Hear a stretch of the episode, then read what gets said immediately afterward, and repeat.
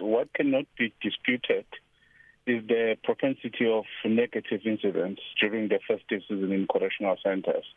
Here I'm referring to assaults, gang initiations, escape attempts, and more importantly, smuggling of contraband. So as a department, we are therefore compelled to be vigilant and leave nothing to chance during the festive season. Hence the operation that we always see year in and year out, where we go to various centers and basically clean those facilities. Uh, sadly, smuggling has become so perennial that um, it, it, when not managed, it could create a fertile ground for all manner of ills, you know, to find meaning, and that may result in an uncomfortable environment for our officials.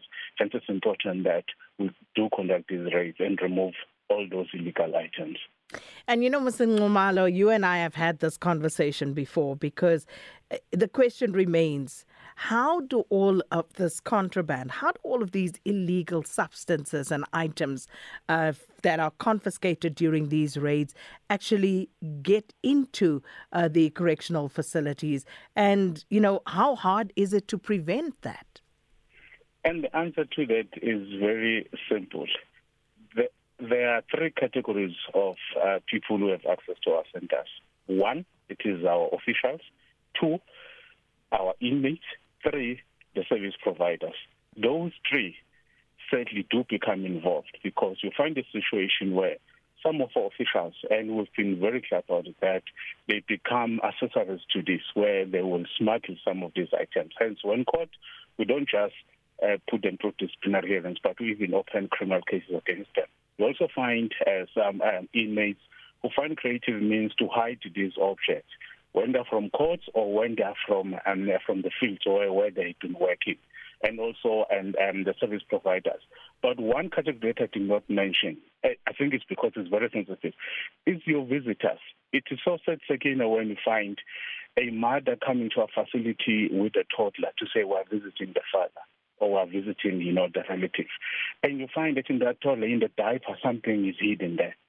And it, it, it, it's so painful because one may say, but now we're becoming, you know, um, um, inhumane by doing all these things where we have to now search everything, dissect everything because we've seen the methods and people always try, you know, different means, creative means. So as a department, like during festive season, we also get to be exposed to other means where people may try desperately to um, smuggle these things into our facilities.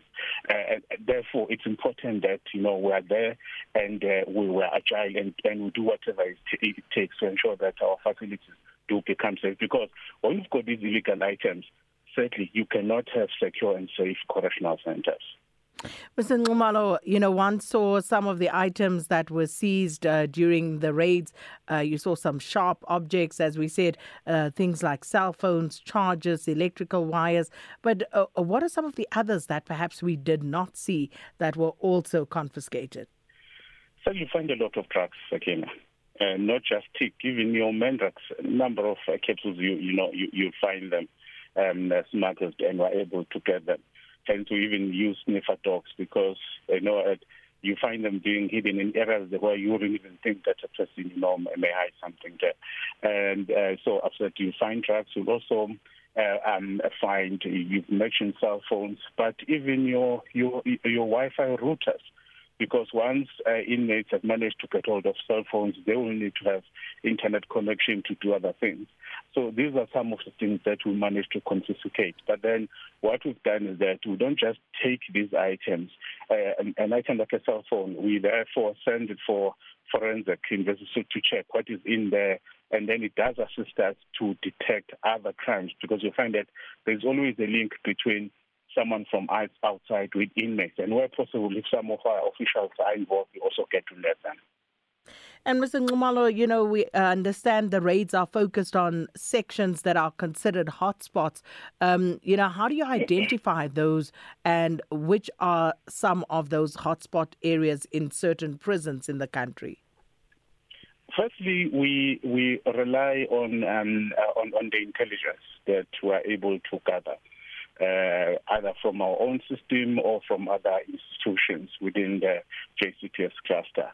That that uh, does assist us, but also uh, you when you look at the trends, when you see what's happening, you know, in the outside, some of the things that may happen now that you find that have a link, you know, with some of our correctional centers, then we're also able to maximize in those particular facilities.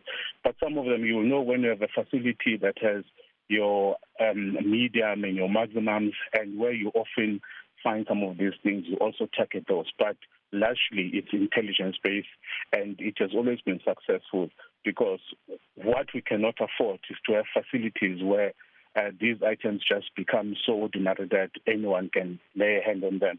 Because what it then does, it puts life of our officials at risk. Because those who refuse to be, to be party to these things, they then get targeted and uh, you know, and they get threatened. People visiting them, visiting them at their homes, and all sorts of things. So, as a department, we have to protect our officials. We have to protect vulnerable inmates, and we have to make it impossible, you know, for others to find it easy to uh, explore their trade in our centers.